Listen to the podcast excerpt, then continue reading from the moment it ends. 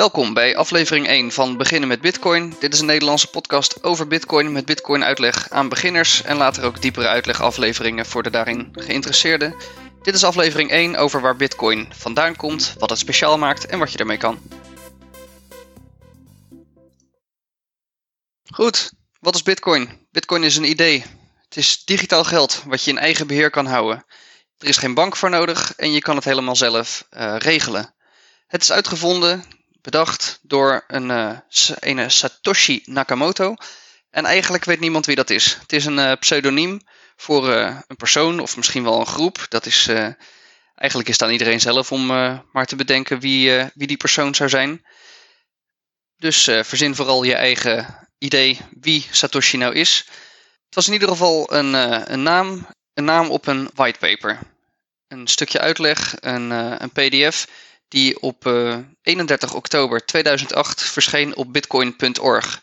Hij is nog steeds daar te vinden. Als je naar bitcoin.org slash bitcoin.pdf gaat, dan kan je de whitepaper uh, inzien. En dat is op zich best wel interessant, want wat staat er nou in? Het concept staat erin van bitcoin, namelijk uh, het is digitaal geld. Er staat in hoe transacties werken, hoe de blockchain in elkaar zit, wat proof of work is, hoe het netwerk zou werken en eigenlijk al deze onderdelen, daar is niks nieuws van. Een blockchain bestond al op een bepaalde manier. Dat was een, uh, een linked list. Proof of work bestond ook al een soort van. Dat is toen bedacht door Hal Finney, een, een cryptograaf. Maar de combinatie van al deze dingen samen, die maken nou precies Bitcoin. Dus alles bij elkaar brengen, al deze technieken, die, uh, die maken Bitcoin. Deze Satoshi Nakamoto die heeft ook de eerste software geschreven en uitgebracht. Dus die whitepaper die kwam op eind oktober 2008. En de eerste software, die is dus ook gemaakt door Satoshi, die kwam uit in januari 2009. En hij heeft ook diezelfde die software gedraaid en hij heeft ook dezelfde, dezelfde eerste bitcoins gecreëerd. En die staan, eh, een groot deel daarvan staat nog steeds op eh, de Satoshi adressen als die ooit eens een keer gaan uh, bewegen, dan uh, zal dat groot nieuws worden. Want deze bitcoins die zijn al heel lang niet bewogen. Maar goed, de, de software is dus uh, uitgebracht. Er is een, een whitepaper, dat wordt allemaal doorgestuurd naar een cryptografie mailinglist. En een aantal mensen in die mailinglist die heeft dat dus gezien. En ook die eerste, of Hal Finney, die, die cryptograaf, die heeft dat ook gezien. De software was dus uitgebracht. De eerste bitcoins zijn gecreëerd. En wat, uh, nou, dat, dat eerste blok, dat is eigenlijk het, het speciaalste blok. Dat is de Genesis blok, Genesis, ja, waar, waar de eerste bitcoin vandaan kwam. En die Satoshi Nakamoto, die heeft in dat eerste blok een, een stukje tekst gezet. En daar stond, The Times, 3 januari 2009, Chancellor on brink of second bail-out for banks. Dat was een, uh, een headline van The Times van 3 januari 2009 om eigenlijk aan te geven uh, dat, dat dat blok ook daadwerkelijk na 3, 3 januari gecreëerd was. Een soort van uh, bewijs, zeg maar, dat dat uh, toen bestond. Nou, die, dat eerste blok, daar zijn eerste bitcoins gecreëerd. En hoe dat creëren van bitcoins gebeurt, daar kom ik later op terug. De eerste transactie die gebeurde in bitcoin, dat was in januari 2009 ook. Dus dezelfde maand dat de software uitkwam. En die was naar Hal Finney toe. Dus dat was die, die cryptograaf waar ik het eerder over had. De eerste commerciële transactie, dat was in 2010 pas. En dat, waren, dat was een, een pizza die uh, verhandeld is op het Bitcoin Forum. En daar is toen 10.000 Bitcoin betaald voor één pizza. Dat uh, is best een hoop geld als je dat terugrekent naar huidige prijzen. Wat is nou bijzonder aan Bitcoin? Bitcoin bestond eerst niet. Het, uh, ja, het is, echt, het is echt iets nieuws. Het is het eerste digitale schaarste. En digitale schaarste, dat is eigenlijk een bijzonder concept. Tot Bitcoin was het eigenlijk het idee dat alles wat digitaal is, dat kan je gewoon onbeperkt kopiëren. En dat hebben we natuurlijk gezien met, met BitTorrent en weet ik wat allemaal. Digitale bestanden kon je onbeperkt kopiëren. Nu heeft Satoshi Nakamoto die heeft het voor elkaar gekregen om digitaal geld te verzinnen wat niet gekopieerd kan worden. En over de details daarvan later in deze podcast meer natuurlijk. Er komen ooit maximaal 21 miljoen Bitcoin. En schaarste, dat is wat ik persoonlijk wel een van de bijzonderste dingen van Bitcoin vind. Waarde versturen over internet, dat konden we natuurlijk al lang. We ja, als je hier in Nederland naar een Nederlandse podcast luistert, dan is er een dikke kans dat je gewoon uh, een bankrekening hebt. En, en geld versturen online, dat konden we eigenlijk al. Dus voor ons als Nederlanders is dat niet het meest interessante. Persoonlijk vind ik zelf die schaarste, dat vind ik uh, het belangrijkste aan Bitcoin. 21 miljoen Bitcoin maximaal in uh, het jaar 2100 nog wat. Ja, dat, dat, weet ik niet uit mijn hoofd, daar komen we later nog uh, op terug. Nou zou je denken 21 miljoen. Ja, als je 21 miljoen euro's zou hebben voor de hele wereld, dat is niet echt genoeg. Maar het handige is dat je Bitcoin kan je opsplitsen. Niet zoals we gewend zijn bij de euro tot twee cijfers achter de komma, maar bij Bitcoin tot acht cijfer, cijfers achter de komma. Dus zo heb je 0,000000001 Bitcoin als kleinste eenheid. En het geinige is dat we die kleinste eenheid, dat noemen we een Satoshi of een SAT.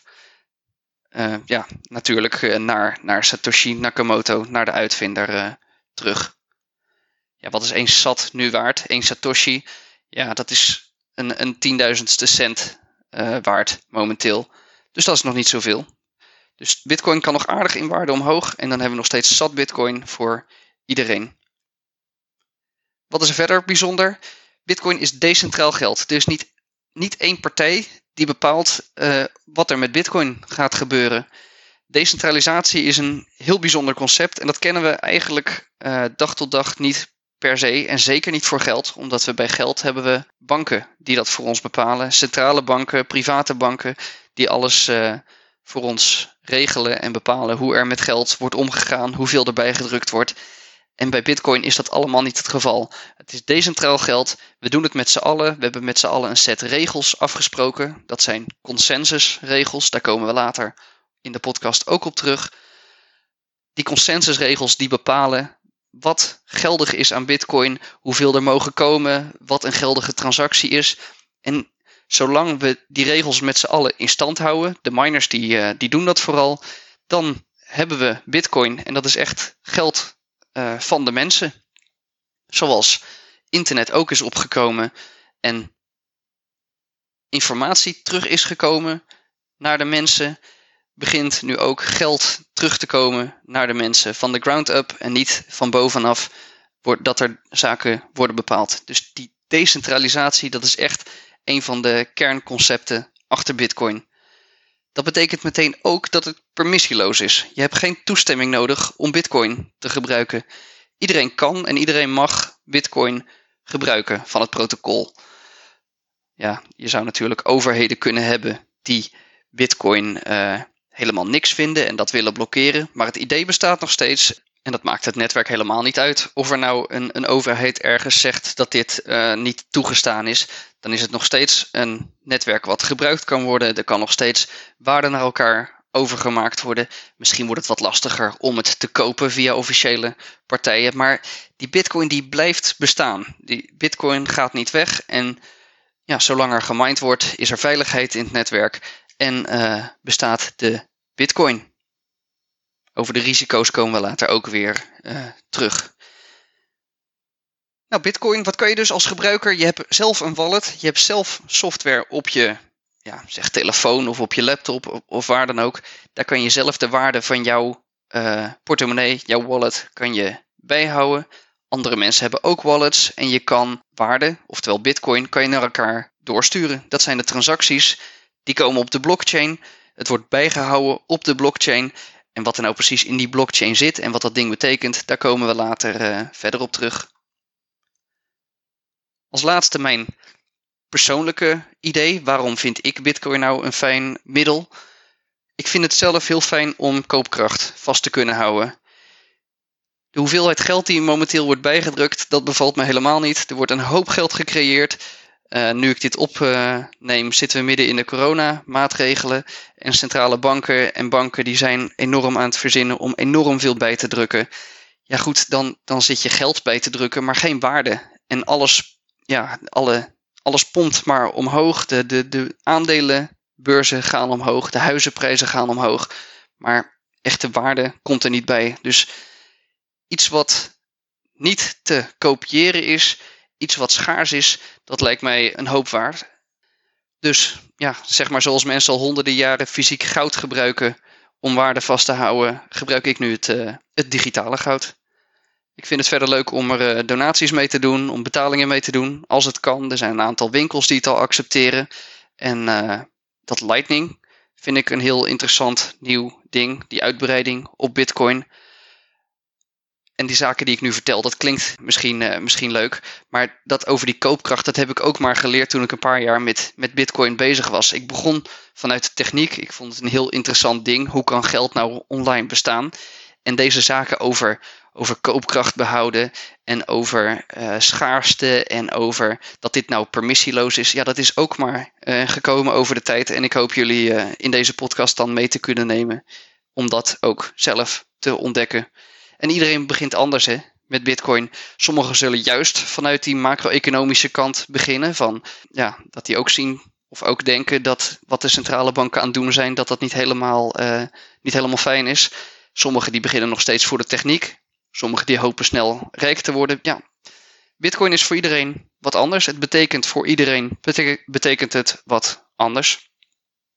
Ik hoop jullie dus mee te kunnen nemen in die reis en uh, de zaken die ik zelf heb ontdekt, dat we, die samen, uh, dat we daar samen doorheen kunnen gaan.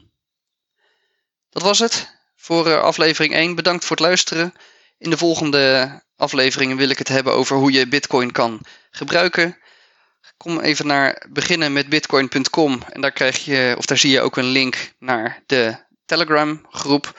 En zo kunnen we met z'n allen praten over, over deze podcast. Tot de volgende keer.